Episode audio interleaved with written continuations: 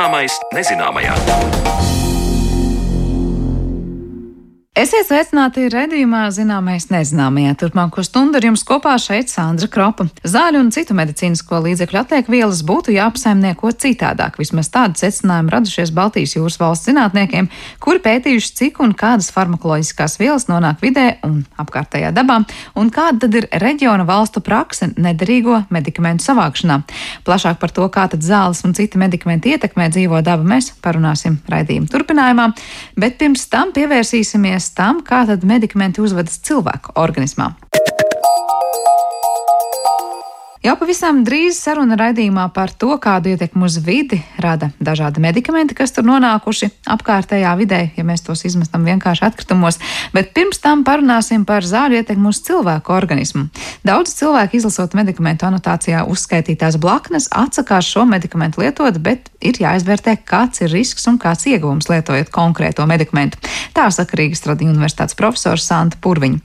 Sarunā ar viņu uzzināsim, kā testē medikamentu radītās blaknes, kā nosaka nosaka šo blakus parādību biežumu un kā zāles iedarbojas cilvēku organismā. Asins un limfatiskās sistēmas traucējumi, vielu maiņas traucējumi, alerģiskas reakcijas, labdabīgi un ļaundabīgi audzēji, reibonis, miega traucējumi. Šīs un vēl virkne citas blakus parādības, lietojot kādu medikamentu, parasti ir uzrakstīts informatīvajā lapiņā, kas pievienot klāt zālēm. Lai noteiktu, kādas ir konkrēto zāļu vielu radītās blaknes, sākums parasti ir laboratorija, kur medikamentu izmēģina uz pelēm vai žurkām.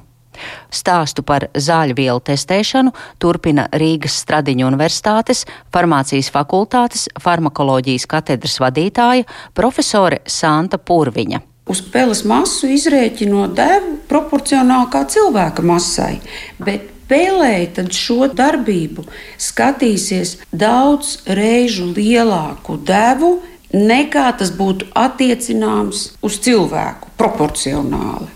Nu, tad ir pirmā fāze pētījumam, tīri veseli brīvprātīgie, kuri viņi zina, uz ko viņi iet, viņi saņem naudu, viņi, protams, ir pārbaudīti, veselība, viņš atrodas ārstu uzraudzībā. Tie ir tikai daži cilvēki, Viņš jau tomēr nāk no preklīniskajiem pētījumiem. Mēs jau to efektu tomēr sagaidām. Nu, lūk, un tad nāk otrā fāze, un otrā fāzē jau skatās, kuras devas būs efektīvākās. Tā tad jau devu pielāgošana un drošība. Nu, un drošībā jau aiziet blakus parādības.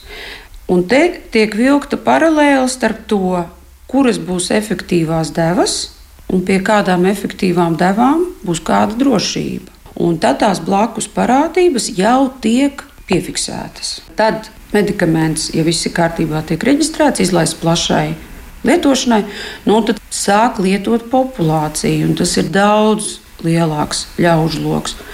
Un tad jau tās blakus parādības, kuras ir retas, nu, sāk peldēt ārā arī tās. Un tāpēc ir tas farmakovigilance. Būt modram, uzmanīt, vai ne? Un farmako par zālēm. Tad, tad, tad kad jau plaša populācija lieto un parādās blakus parādības, kuras nav minētas tajā aprakstā, tad ir jāziņo.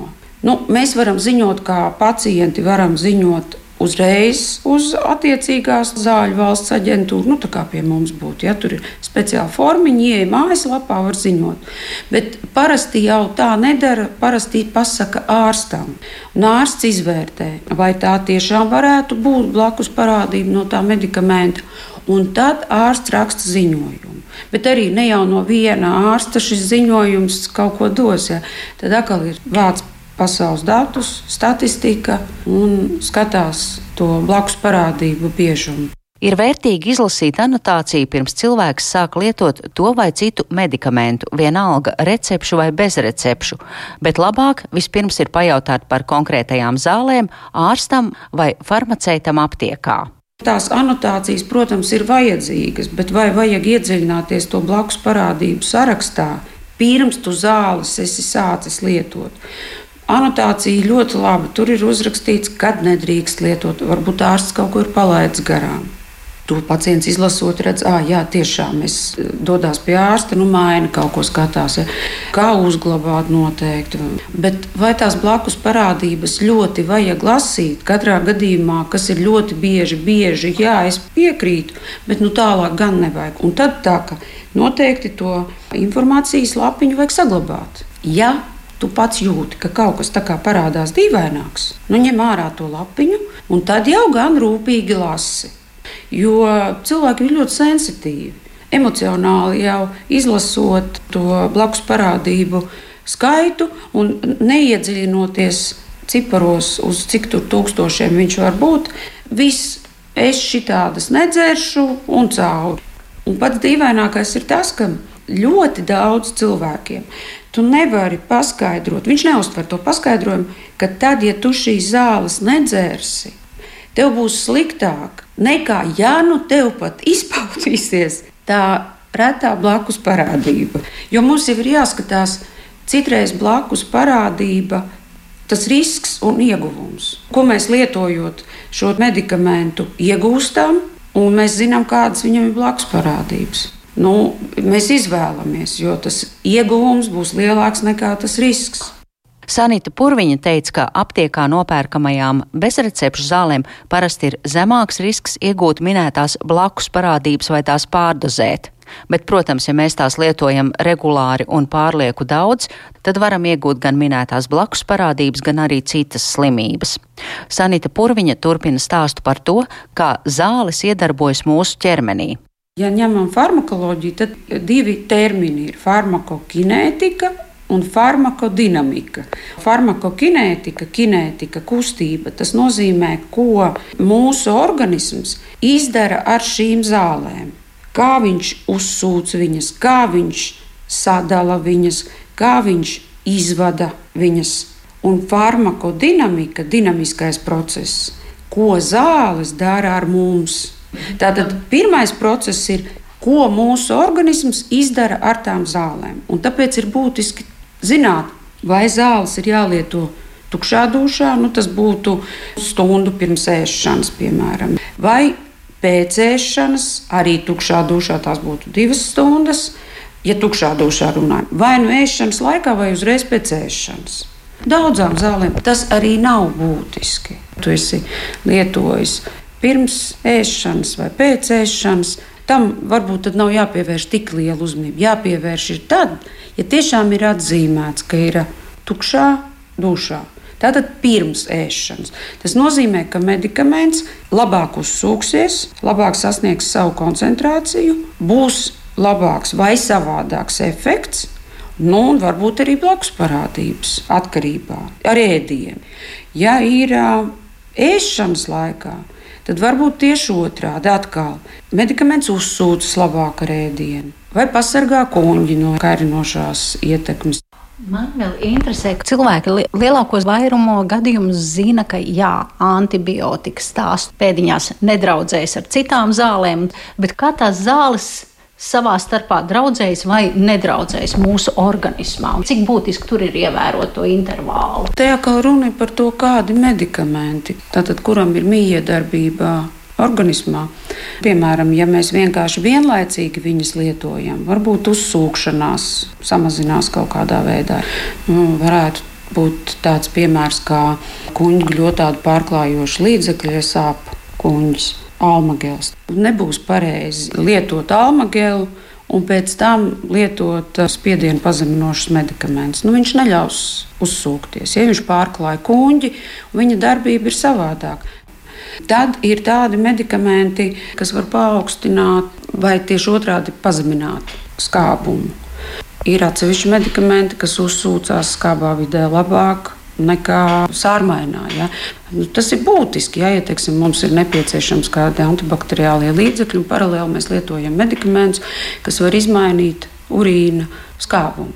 Bet tas ir ārstam jāpasaka. Un tas gan ir vērtīgi noteikti, tāpēc tā informācijas lapiņa līdzi izlasīt attiecībā miedarbība par zālēm. Varbūt es esmu kaut ko aizmirsis ārstam pateikt. Un tagad, lasot to lapiņu, ieraugu, jā, redz, es tiešām šo arī lietoju. Ja? Tā kā to gan vajadzētu paskatīties. Nu, tad vēl ir nākamais ļoti svarīgais moments, ka tātad zāles tiek mūsu organismā pārveidotas.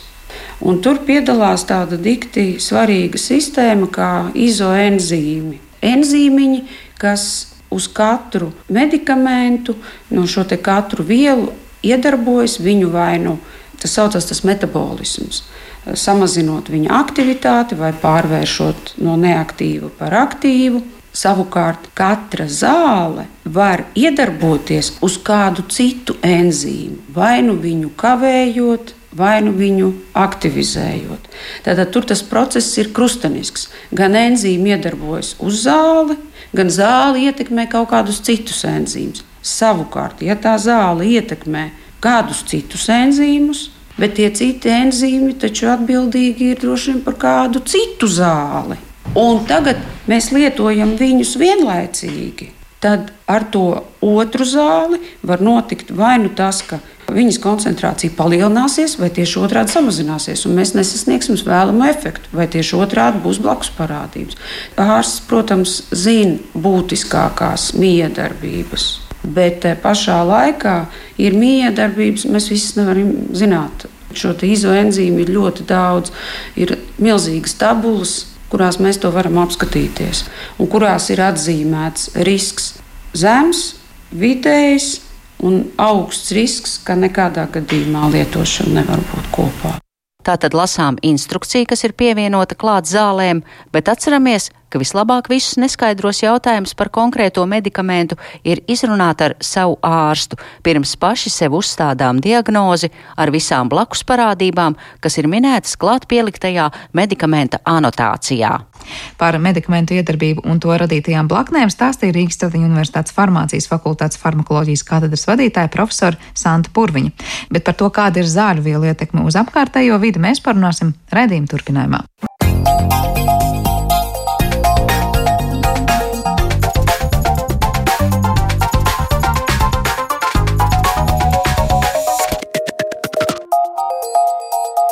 Zināmais nezināmajā. Noslēgumam tuvojas Eiropas Savienības atbalstīts projekts no farmaceitiskajām vielām tīri ūdeņi, kur ietveros tad nu vērtēta Baltijas jūras valstu praksi zāļu atliekvielu apsaimniekošanā.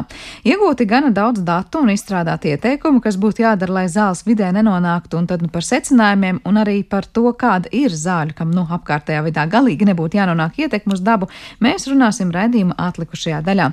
Mūsu studijā tāpēc ir Latvijas vidas geoloģijas un meteoroloģijas centra iekšzemes ūdeņu nodeļas vecākā speciāliste Anete Kubliņa. Labdien! Labdien!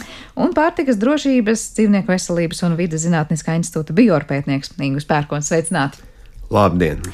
Varbūt vēlreiz varam atgādināt par to, nu, cik liela problēma ir tā zāļu atliekvielu vispār būšana dabā, un es saprotu, jūs to esat pēdējā laikā gana daudz pētījuši no dažādiem aspektiem, par ko mēs tieši šodien parunāsim. Kā jūs raksturot, tas ir kaut kādam, nu, vides problēmu numuru 1, 2, 3 vai 5 Latvijā, vai, vai kā jūs to redzat?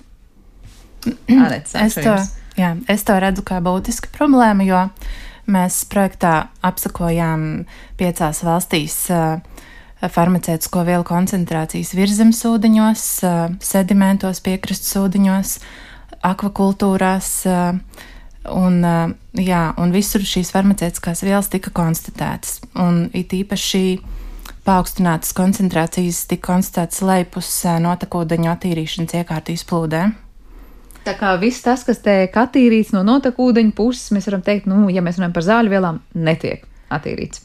Nu, vai nu daļēji tiek attīrīts, dažas vielas arī tiek attīrītas, un dažas pat ir uh, vēl lielākās koncentrācijās no notekūdeņa attīrīšanas iekārtām izplūstošajos ūdeņos. Nā, par to mēs arī mm -hmm. parunāsim. Vingum, kāds redzējums par to, cik liela tā ir problēma Latvijā? Jā, noteikti negribētos teikt, ka tā ir ļoti liela samilzus problēma, it īpaši Latvijā, jo tā ir problēma visā pasaulē. Un uh, arī kaut kādu noteiktu numuru, problēma numur viens, divi, trīs arī nē, bet uh, tas noteikti ir aspekts, ko nevajadzētu ignorēt, jo tēma vēl joprojām ir samērā nezināma, un uh, mēs šeit runājam par savienojumiem, kas ir ļoti efektīvi pat nelielos daudzumos. Un, uh, tad, kad mēs runājam par kaut kādu apkārtējās vidas piesārņojumu, bieži vien tā labākā informācija rodas no situācijām, kad viņi ir ļoti augstos līmeņos. Bet runājot par zālēm, tās ir konstantas neliela daudzuma emisijas, kas, kur pirmās sekas mēs varam redzēt vien pēc daudziem, daudziem gadiem. Un, tādēļ gribētu teikt, ka problēma pagaidām nav nedz liela, nedz arī maza. Tīri tādēļ, ka mēs nezinām, cik īsti šī problēma, kādas varētu būt šīs problēmas sekas. Bet tas, ko mēs šobrīd zinām, mēs zinām tās koncentrācijas, nu, šogad, piemēram, apkārtējā dabā. To mēs varam teikt, mēs zinām Latvijā, kurās vietās, cik daudz mums tās atliek vielas zāļu ir. Vai cik zināmas? Mēs, protams, varam uh, runāt par kaut kādiem līmeņiem, eh, vai tur mēs runājam par nanogrammu litrā, mikrogrammu litrā, un eh, šīs koncentrācijas jau nav konstantas. Emisijas mainās gan atkarībā no sezonas, atkarībā no, ja mēs iepriekš pieskārāmies šeit notekūdeņa attīrīšanas stacijām, tad eh, katrai šai stacijai piemīt sava noteikta efektivitāte. Un nav iespējams, teiksim, iegūt tādu pilnvērtīgu informāciju, ka nu, konkrēti šajā brīdī tur ir tik un daudz, Iespējams, pēc stundas, ja mēs paņemtu paraugu, tur jau būtu divreiz vairāk. Tādēļ patreiz mēs varam runāt tikai par tādiem neksim, aptuveniem līmeņiem. Tā kā un... apjausma par to, cik daudz jā. ir. Uh, jā, es tieši gribēju prasīt par to, kā jūs varat iegūt šo informāciju, zinot, ka nu, pa stundām gandrīz vai viss var mainīties. Mm. Kuros brīžos un kur ievākt paraugus? Mm. Ja runā par notekūdeņu paraugu ņemšanu, tad e- efektīvi ir 24 stundu paraugi, kas reprezentē nu, ik, ik pa stundai paņemts tiek paraugs un sasumēts, un līdz ar to tas ir reprezentatīvāks nekā ka tikai vienu reizi paņem. Un jo vairāk šie mērījumi gada laikā būs, jo tas viss būs reprezentatīvāk, jāņem vērā slimību sezonas, augst, augstās sezonas, kad vairāk tiek lietot visādi augstēšanās medikamenti, un savukārt alerģiju medikamenti vairāk tiks lietot pavasarī. Jā, visu gadu ietveros. Un to jāņem. visu varēs redzēt Latvijas dabā, ja sekstam. Mm -hmm. Ingu par tiem paraugiem, kad, kur un kā ir jāņem paraugi, lai to ainu maksimāli iegūtu precīzi par to, kāda tā situācija ir dabā. Es noteikti piekrītu, ka vispareizāk būtu ņemt tā saucamos kompozītu paraugus, kas tiek ieņemti ilgstošākā laika periodā, uh, Bet uh, tajā pašā laikā pastāv arī nu, teiksim, jaunas tehnoloģijas, kad uh, tā vietā, lai mēs ņemtu ūdens paraugu, tiek ievietoti speciāli sorbenti konkrētajā ūdens tilpnē, kas tur atrodas teiksim, vienu no nedēļu, un uh, lēnā garā uztver uz savas virsmas eh, šos konkrētos savienojumus, un tādā veidā mēs varam iegūt nu, teiksim, tādu paplašinātu bildi par to, nu, kas tad īsti tur atrodas. Un savā ziņā, teiksim, zinātniskajā sabiedrībā tas tiek vērtēts mazliet augstāk, jo tas ir vairāk eh, reprezentatīvs eh, teiksim, informācijas avots, jo pastāv teiksim, tāds pārmaiņas, jā, kad atkarībā no arī diennakts laika, no vis kaut kā cita. Un tad, eh, teiksim, nedēļas griezumā mēs varam uh, paskatīties, nu, kur tad ir tie savienojumi, kur ir visvairāk. Bet šeit atkal atdurās otra problēma, kad uh, nav iespējams uh, precīzi pateikt, cik daudz tas viss atrodas tomēr ūdenī. Mēs varam pateikt, ka šis savienojums ir vairāk, šis savienojums ir mazāk, bet, teiksim, vēl projām ir problēmas ar šādu paraugu paņemšanu. Ja mēs gribam pateikt, kas atrodas uz tā gudrā sorbenta un kas savukārt paliek ūdenī. Tā kā, nu, katrai monētai ir savas puses, un uh, vēl projām šis jautājums nav līdz galam arī atbildēts. Jo katra, lai cik daudz paraugus mēs ņemtu, mēs vienmēr atduramies pret to, ka uh, tie paraugi ir jāanalizē, tas ir ieguldīts darbs, un cik uh, ieguldītais darbs būs tā informācija, kas mums atnāks atpakaļ no tā. Tā kā nu, arī tur tāds veselīgs līdzsvars starp to visu. Cik šobrīd Latvijā ir izanalizēts šādi vietas un paraugi? Mm. Vai? Tas ir kaut kāda procentuālās daļās. Jūs varat izteikt, tur nezinu, no visām ūdens tilpēm apskatījām tik un tik, vai no tekūdeņa stacijām. Kāds ir mm. tas jūsu rezumējums? Pagaidām ir gūts samērā neliels ieskats. Pārsvarā Lielupas upju basēna apgabalā tika veikti mērījumi mūsā mē, melē Lielupē, tāpat arī Rīgas jūras līcī, netālu no Rīgas ūdens uh, izplūdes. Um, jā, un uh, tika apsakots arī trīs notekūdeņa attīrīšanas iekārtas izplūdes, jā, kas reprezentē Lielupas un arī Daugavas upju basēna apgabalu. Jā, neliels pagaidām ieskats ir gūts. Kādi ir tie rezultāti? Mums tur ir pārāk daudz, kāds, kāda gaidījāt, ieraudzīts tās vielas klātbūtnes dabā, vai, vai tomēr nu, daudz maz prognozējam bija, tur būs vairāk vai mazāk tas viss. Mm. visvairāk dažādu vielu koncentrācijas tika konstatētas Puplas upē, Olēnē. Jā, un, un izteikts ir tas, ka uh, lielākas tās koncentrācijas ir lepas notekūdeņa attīrīšanas iekārtu izplūdēm. Bet, piemēram, diklofenakam tie kvalitātes normatīvu pārsniegumi pārsvarā ir tuvu izplūdēm, bet uh, tieši uz robežas, kur ieplūst, notiku, kur ieplūst virzemes ūdeņi no Lietuvas, tur pārsniegumu nav. Diklofenaks ir vienīgā viela, kurai ir vidas kvalitātes normatīvs izstrādāts šobrīd.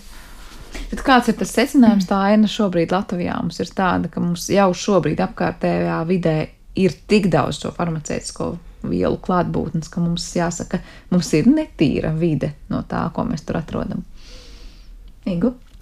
Jā, ja mēs runājam par tiem kvalitātes normatīviem, tad uh, Latvija savā ziņā šeit atrodas diezgan izdevīgā pozīcijā, tāpēc, ka mūsu ir diezgan maz, un tas iedzīvotāju blīvums ir neliels. Un, uh, Nav tā, ka mēs varētu teikt, ka mēs, mums ir nabadzīgi ūdens resursi. Un tas, protams, dod iespēju lielākam atšķēdījumam. Tādējādi, ja mēs salīdzinām ar teiksim, rietumu valstīm vai dienvidu valstīm, kur teiksim, populācija iedzīvotāji ir daudz blīvāka, tad mēs atrodamies lielākoties zem šiem uh, kvalitātes standartiem. Bet, nu, jāsaka arī, ka, kā jau iepriekš minēja kolēģi, kad diklofenaks un vēl pāris savienojumi ir tikai tie, kuriem šādi kvalitātes standarti ir piešķirti. Bet uh, farmaceitisko savienojumu skaits, kurus mēs ikdienā lietojam, ir vairāki simti tad uh, nu, tas ir pavisam neliels daudzums no tā kopējā diapazona, kurus uh, tad ir iespējams tā objektīvi izvērtēt. Kāds ietekme, kāda ietekme ir uz apkārtējo vidi, ja šīs vielas tur ir sastopamas? Par to ik pa laikam mēs runājam, varbūt varam celt tādus galvenos akcentus klausītājiem. Sākot no idejām par to, ka zivis pat maina dzimumu, līdz pat uh, dažādām citām idejām izskanējušas. Mm, zinātniskās publikācijās ir lasīts jā, par to, ka uh, zivis maina savu uzvedību, tāpat arī kukaiņi, um, ka tas var veicināt vai arī ierobežot ūdensaugu augšanu un arī tas var veicināt baktēriju rezistenci pret antibiotikām. Jā. Jā, šeit no iepriekš minētajiem piemēriem man eh, ļoti gribētos eh, akcentēt tādu varbūt retāk izskanējušu un grūti pamanāmu, kas skar tieši antidepresantus, kas ir pēdējā nu, gadu laikā nu, tendence šo savienojumu klasē ir tomēr lietotāju pieaugums, un tas arī ir normāli. Un, uh, mēs joprojām diezgan maz zinām par šiem savienojumiem. Un, uh, nav tā, ka viņi ir selektīvi tikai un vienīgi uz cilvēkiem, bet viņi var miedarboties arī ar dzīvnieku sugām. Un tad, attiecīgi, ir pāris uh, savā ziņā pat fascinējoši pētījumi, kas uh, nav viegli ieraugām apkārtējā vidē. Attiecīgi, Zviedrijā, ja nemaldos, tika pētīti asari kuros, eh, kuri atradās vidē, kuros bija šis konkrētais eh, antidepresants. Un, eh, sākotnēji, protams, nekādas izmaiņas netika vai patoloģijas ieraudzītas, bet pētnieki skatījās, kā mainās šo asaru uzvedība. Un, piemēram, viņiem pieauga apetīte, Ja? Ko tas nozīmē? Kad uh, viņi vienkārši sāka šo konkrēto ūdens tilpni izēst. Un tas uh, rada tādu savā ziņā domino efektu arī pārējām esošajām sugām, kas šajā vietā atrodas. Un uh, tādā veidā šis domino efekts ietekmē visu um, tuvējo ūdens tilpni. Un savukārt pretējs efekts tika novērots miermīlīgajām sugām, kas uh, kļuva teiksim, drosmīgākas. Un, ja drosme cilvēku pasaulē skaitās tāda nu, diezgan laba īpašība, tad, ja tu esi mazs zivs, tad uh, būt drosmīgam nemaz nav tik labi. Mēs varbūt filmās esam redzējuši, kad uh, nezinu, animācijas filmā mazā zivs stājas pretī dusmīgai haizivī un beigās viss ir labi. Tad, uh, diemžēl, dzīvē ir tā, ka ja mazā zivs uh, stājas uh, pretī plēsīgai līdekai, tad lielākoties tas beidzas ar to, ka mazā zivs nonāk līdekas vēderā. Un, uh, attiecīgi, tas arī ir drauds šai mazo zivju populācijai. Savukārt tas dod papildus uh, Iksim, bonusa punktus plēsējiem. Un tādā veidā ir priekšrocība plēsējiem, kas atkal sāk dominēt konkrētajā ūdens tilpnē un atkal jau izraisa problēmas, kas eh, primāri skan tieši bioloģisko daudzveidību tur. Un, uh, ir diezgan daudz tādu mazu piemēru, kas varbūt liekas maznozīmīgi, bet tiem var būt ļoti ilgas sekas. Eh, cilvēks parasti satrauc arī tas, ka vai tajā brīdī, kad mēs lietojam dzeramo ūdeni, piemēram, kas nāk attīrīts, sagatavots, bet vienalga nāk no apkārtējās vidas. Tajā var būt šo farmaceitisko vielu klātbūtne. Mēs nepētījām mūsu projektā dzeramo ūdeni. Jā, nu šeit es varu dot komentāru, ka atšķirībā no teiksim, notekūdeņa attīrīšanas, tad dzeramā ūdens attīrīšanā ir pilnīgi cita specifika un atsevišķas nu, daudz labākas metodas, kādā veidā tas tiek attīrīts. Un, Tas, protams, dod, eh, teiksim, ja patērētājs atraucās par to, ka viņi dzer uh, ūdeni, kurā ir antidepresanti, tad par to īsti nav jāstraucās, jo šis dzeramais ūdens tiek ļoti efektīvi attīrīts. Bet uh, tieši medikamentu aspektā lielākais drauds ir nevis pašam cilvēkam, bet apkārtējai videi. Tātad līdzīgi mēs varam runāt par antidepresantiem, par antibiotikām, par kontracepcijas apstēm. Tas viss nonāk apkārtējā vidē, bet nav pamata satraukumam, ka tas ar dzermu ūdeni atgriežas pie mums. Tā var teikt. Standarta garā gadījumā, un tā vispārīgi ņemot, eh, šis apgalvojums būtu precīzs, bet, eh, protams, pastāv izņēmumi. Ir pētījumi gan Āzijā, gan arī Skandināvijā, kurā ir konstatētas eh, medikamentu atliekvielu klātbūtne dzeramajā ūdenī. Bet Tad atkal gribētos nomierināt klausītājus, ka eh, tās koncentrācijas, kas tur tiek konstatētas, ir ļoti, ļoti, ļoti mikroskopiskas. Tā konstatācija ir iespējama tikai tādēļ, ka mūsdienās instrumenti atļauj to ieraudzīt. Teiksim, ja tu paņem eh, ļoti, ļoti spēcīgu mikroskopu, loģiski, ka tu ieraudzīsi kaut ko. Bet tas liek, do, bet tas liek domāt par to, ka, nu labi, šobrīd tās koncentrācijas ir mazas, bet ja mēs arvien vairāk apkārtējā vidē kā saka, nopludināsim šādas vielas. Nav tā, ka nu, ar laiku mums ar vien vairāk un aktuālāk būs tā problēma, vai tas neatgriežas pie mums pašiem ar dzeramo ūdeni, ko katru dienu mēs tur divus litrus izdarot, varbūt kaut ko tomēr uzņemam. Tas viss ir atkarīgs no konkrētā savienojuma dabas. Mēs zinām, ka pastāv, nu, daži no mums zina, tad pastāv tādi savienojumi kā noturīgie organiskie piesārņotāji, kas akumulējas dabā, nenoārdās un rada visādas ilgtermiņa problēmas. Ja, jo ilgāk viņi nonāk, jo vairāk viņu ir. Tad ar zālēm galvenokārt tā par laimi nav. Viņiem zāles, zāļu problēma ir tāda, ka viņām ir patstāvīgas emisijas, līdz ar to tiek uzturēta patstāvīgs kaut kāds noteikts līmenis apkārtējā vidē. Bet, ja mēs vienā brīdī pārtraucam šīs emisijas, tad diezgan īsā laika periodā eh, šīs koncentrācijas paliek eh, nu, pilnīgi nenozīmīgas. Tādēļ eh, no šāda aspekta nav jāstraucās, kad galvenās zāļu klases varētu akumulēties, un jo vairāk mēs ražojam, jo vairāk viņas paliek apkārtējā vidē. Bet uh, tas arī pastāv arī izņēmumu savienojumi, kuriem piemīt kaut kādā ziņā tādas pseido noturīgas eh, īpašības, kas var uzklarēties uh, taukaudos un akumulēties, piemēram, zivju kaut kādos orgānos. Kā ar to uh, vielu daudzumu vai klātbūtni, kas uzkrājas koncentrācijas vēl lielākās pēc notekūdeņa attīrīšanas, ko Nets sākumā teica? Kas tās ir un kāpēc tā notiek? Mm. Tāpēc, kad paraugi tiek ņemti uh, lejpus izplūdēm ļoti tuvu izplūdēm, bet uh, nu, līdz ar uh, upes plūsmu tie atšķaidās. Jo mazāka upe, jo lielāka ir šī sajaukšanās zona. Jā, piemēram, lielupē tā nav problēma, tur ir liela plūsma un ātri notiek atšķaidīšanās. Bet, nu jā, jārēķinās, ka bioloģiskajiem organismiem izplūdes tuvumā var tikt nodarīts kaitējums. Jā, akūtais. Ir kādas vielas, kas var vienkārši, kamēr tiek attīrīti notekūdeņi, kaut kādā veidā reaģēt un kļūt, es nezinu, aktīvāki, agresīvāki savienojumi, un tad izplūstot no notekūdeņa attīrīšanas stacijas, mēs patiesībā iegūstam kaut ko, kas ir daudz nu, bīstamāks vai nedraudzīgāks nekā tur ieplūda? Um. Tas ir domāts, ka koncentrācija paaugstinās. Nu, vai koncentrācija paaugstinās, vai vienkārši mums veidojas kaut kāds jauns savienojums ar kaut ko saistībā, kamēr tā, tas ūdens tiek attīrīts. Nu, proti, vai tur ir vieta jauniem savienojumiem, kas rodas un varbūt pat kļūst vēl bīstamāki. Eh, bez šaubām šādi riski pastāv, bet uh, tas atkal atsaucās to, ka ir tik ļoti grūti pētīt nezināmo, jo par šādiem savienojumiem ir ļoti maz kas zināms. Un tiek veikti speciāli pētījumi, kuros uh, nu, teiksim, tiek meklēti šie transformācijas produkti, bet uh, patreiz informācijas ir maz. Daudz vairāk ir jāuzmanās no savienojumiem, kas uh, iznāk, teiksim, nonāk notekūdeņa stacijās, kā jau gatava metabolīti, tie aktivēti savienojumi, kurus mūsu organisms ir pārveidojis tādos eh, teiksim, miermīlīgos eh, organismos, miermīlīgās molekulās, kurām ir izrauti zobi. Bet, eh, attiecīgi, ja viņas nonāk pareizajos apstākļos notekūdeņu sacījās, tad mikroorganismi tur var šos zobus ielikt atpakaļ. Tādā veidā notiek šī metabolīta reaktivācija, un lai cik ļoti mēs, piemēram, būtu gribējuši viņu neutralizēt, šie mikroorganismi viņu uztaisa atpakaļ aktīvajā formā, un tas nonāk apkārtējā vidē. Bet nu, šādu gadījumu ir diezgan maz, un tā nav klasiska situācija. Bet, uh, apgalvot, ka tā tas nekad nenotiek, arī nebūtu pareizi. Jā.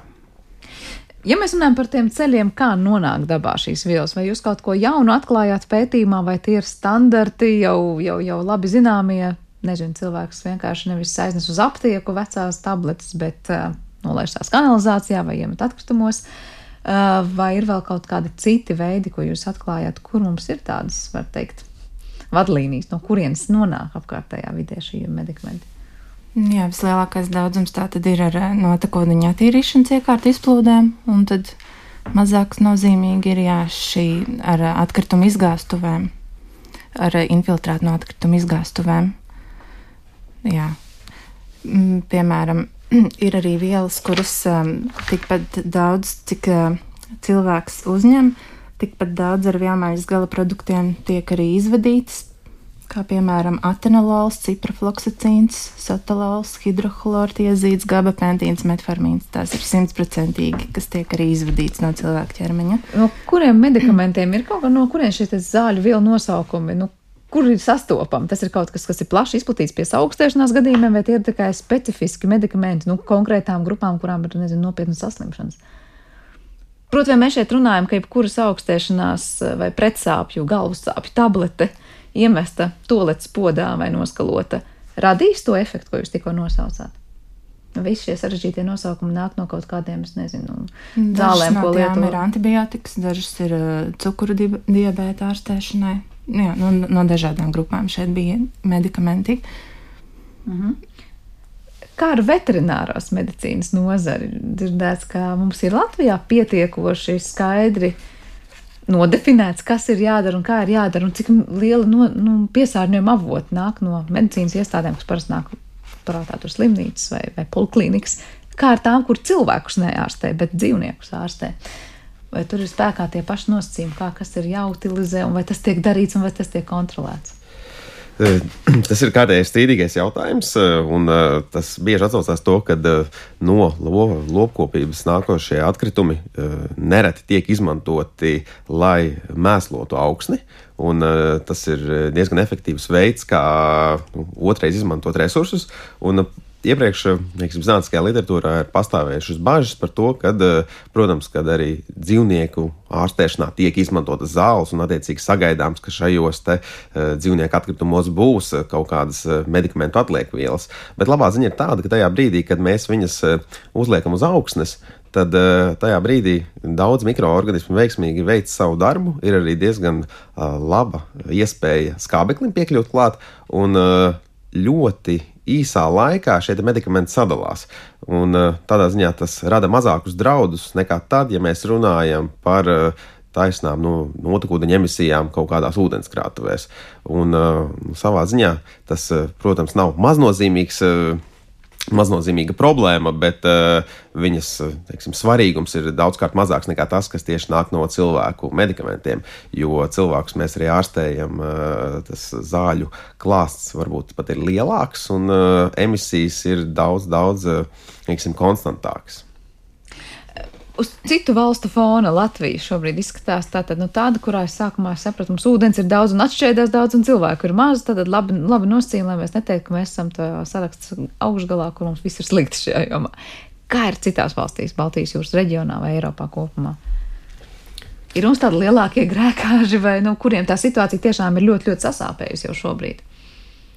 Nebija projek pēc projekta rezultātiem tāds viens izteikts grēkāzes. Bija dažas viel, vielas, kas Igaunijā ir augstākās koncentrācijas, dažas arī Latvijā, dažas Polijā. Šobrīd tā. Bet tas, bet tas liek domāt, ka mēs vienkārši atšķirīgi patērējam dažādus medikamentus. Nu, ja, piemēram, Igaunijā viena konkrēta viela vairāk un Latvijā cita vairāk. Par ko tas tālāk liek domāt par mūsu kaut kādām Dažkārt saka, cik mēs esam atkarīgi no zālēm, kā, kā populācija daudz vai maz. Jā, mēs apkopojām projektā arī zāļu patēriņa datus.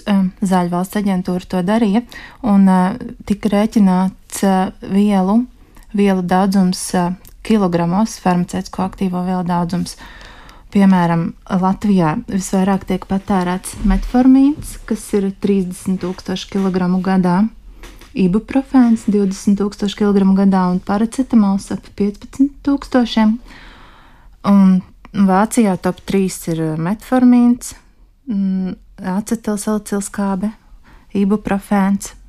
Zviedrijā paracetamāls, metformīns, ibuprofēns, un Somijā arī šie trīs nosaukumi - paracetamāls, metformīns, ibuprofēns.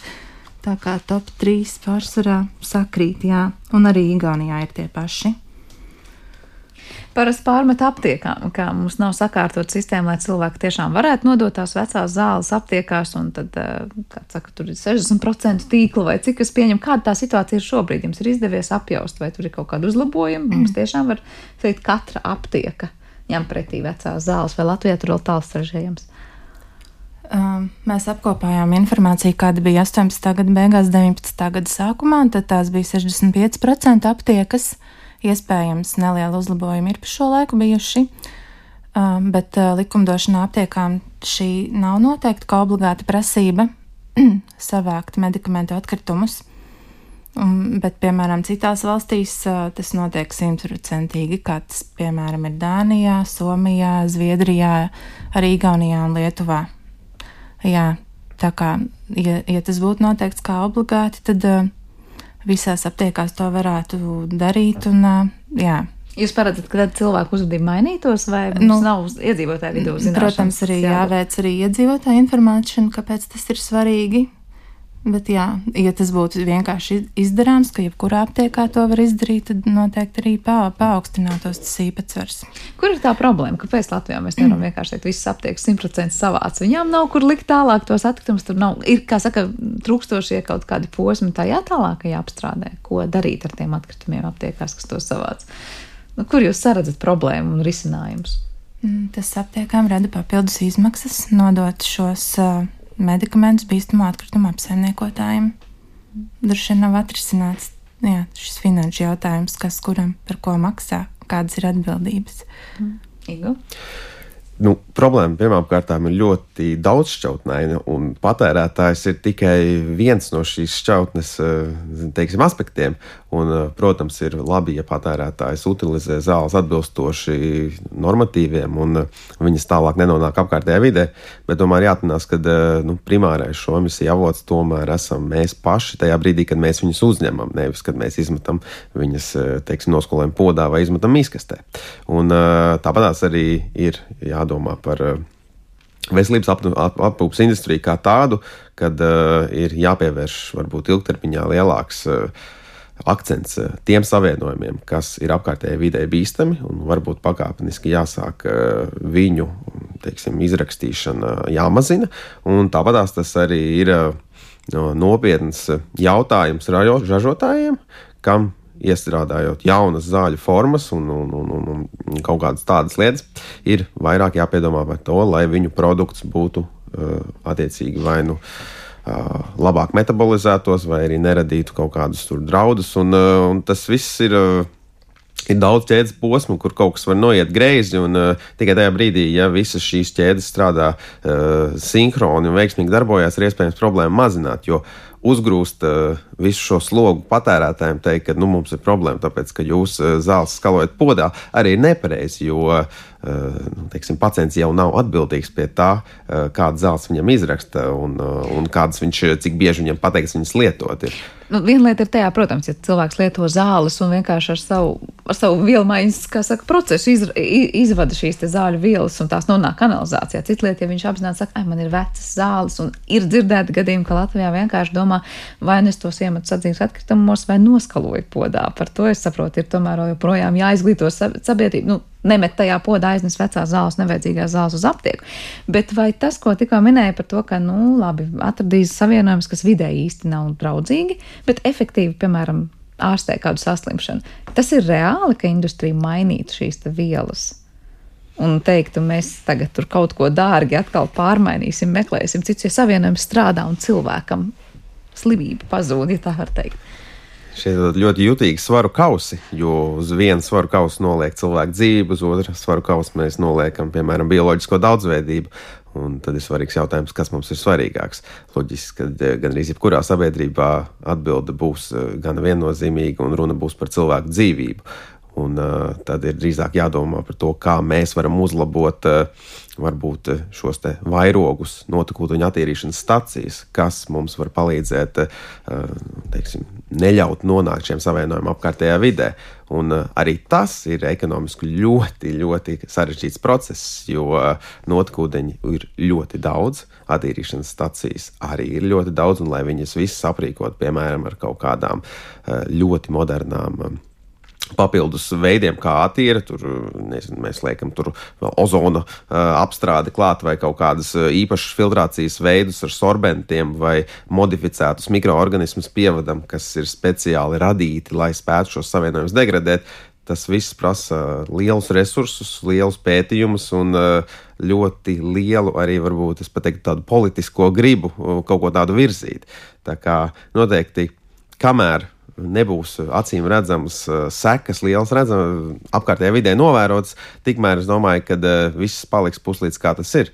Protams, pakāpeniski mainās jaunu zāļu formu izveide, un lai ražotājs izstrādātu jaunas formas, tur ir obligāti jāveic eh, šie pētījumi, kas eh, pasaka, vai šis savienojums ir toksisks apkārtējiem vidē, ūdens organismiem un tā tālāk. Bet nu, tas jau daudz kas arī atsaucās uz to, cik eh, ražotāji paši ir godprātīgi, kā šie pētījumi tiek veikti, un tas ir nu, vēl sarežģītāks temats. Un, protams, pirmajā vietā vienmēr būs cilvēku dzīvība. Nu, par to šaubu nav, bet tā kā jūs projekts ir noslēgumam gan, gan tuvu, vai jums ir kaut kāds konkrēts tālāk, nu, es nezinu, rezultāts, vadlīnijas, ko jūs sniedzat konkrētām institūcijām, kas jādara, vai jūs uh, iegūstat vienkārši informāciju par to, kas mums šobrīd izskatās, ir Latvijas dabā nonācis un ko mums tālāk ar to darīt. Kāds ir tas jūsu rezumējums par to? Izpētījāt, kas, tam, kas notiks tālāk? Jā, šo, šī projekta galvenais mērķis bija izpētīt esošo situāciju, un kā viens no darba pakas rezultātiem ir arī rekomendācijas lēmumu pieņēmējiem. Pagaidām šis te nodevums vēl ir tapšanas stadijā, jā, līdz novembra beigām viņam ir jātop rekomendācijas lēmumu pieņēmējiem. Tā kā tās būs tapšanas stadijā, ka tās būs, mēs varam sagaidīt, ka tādi reālie soļi tiks spērti, lai, lai to problēmas nu, cēloņus novērstu. Ieteikumi jā, politiķiem, tā skaitā arī par notekūdeņu attīrīšanas iekārtu uzlabošanu, tā piesaņojušās darbības atļaujām farmaceitiskiem uzņēmumiem, iedzīvotāju informēšanu un tam līdzīgi. Nu, ko tad gaidīsim novembra beigas un skatīsimies, kas notiks tālāk. Lielas paldies jums abiem par šo sarunu. Dzirdējām Latvijas vidas geoloģijas un meteoroloģijas centra iekšzemes ūdeņu nodaļas vecāko speciālistu Anetu Kubliņu un pārtikas drošības dzīvnieku veselības un vidas zinātniskā institūtā bioarpētnieku Ingu Pērkonu šodien pie mums raidījuma zināmais nezināmajā studijā. Ar to arī šis raidījums ir izskanējis, un to sagatavoja producents Armīta Kolāte, mūzikas redaktors Girds Bišs, skaņu režijā bija Kristīna Dela, un studijā ar jums kopā Sandra Kropa. Uztikšanās!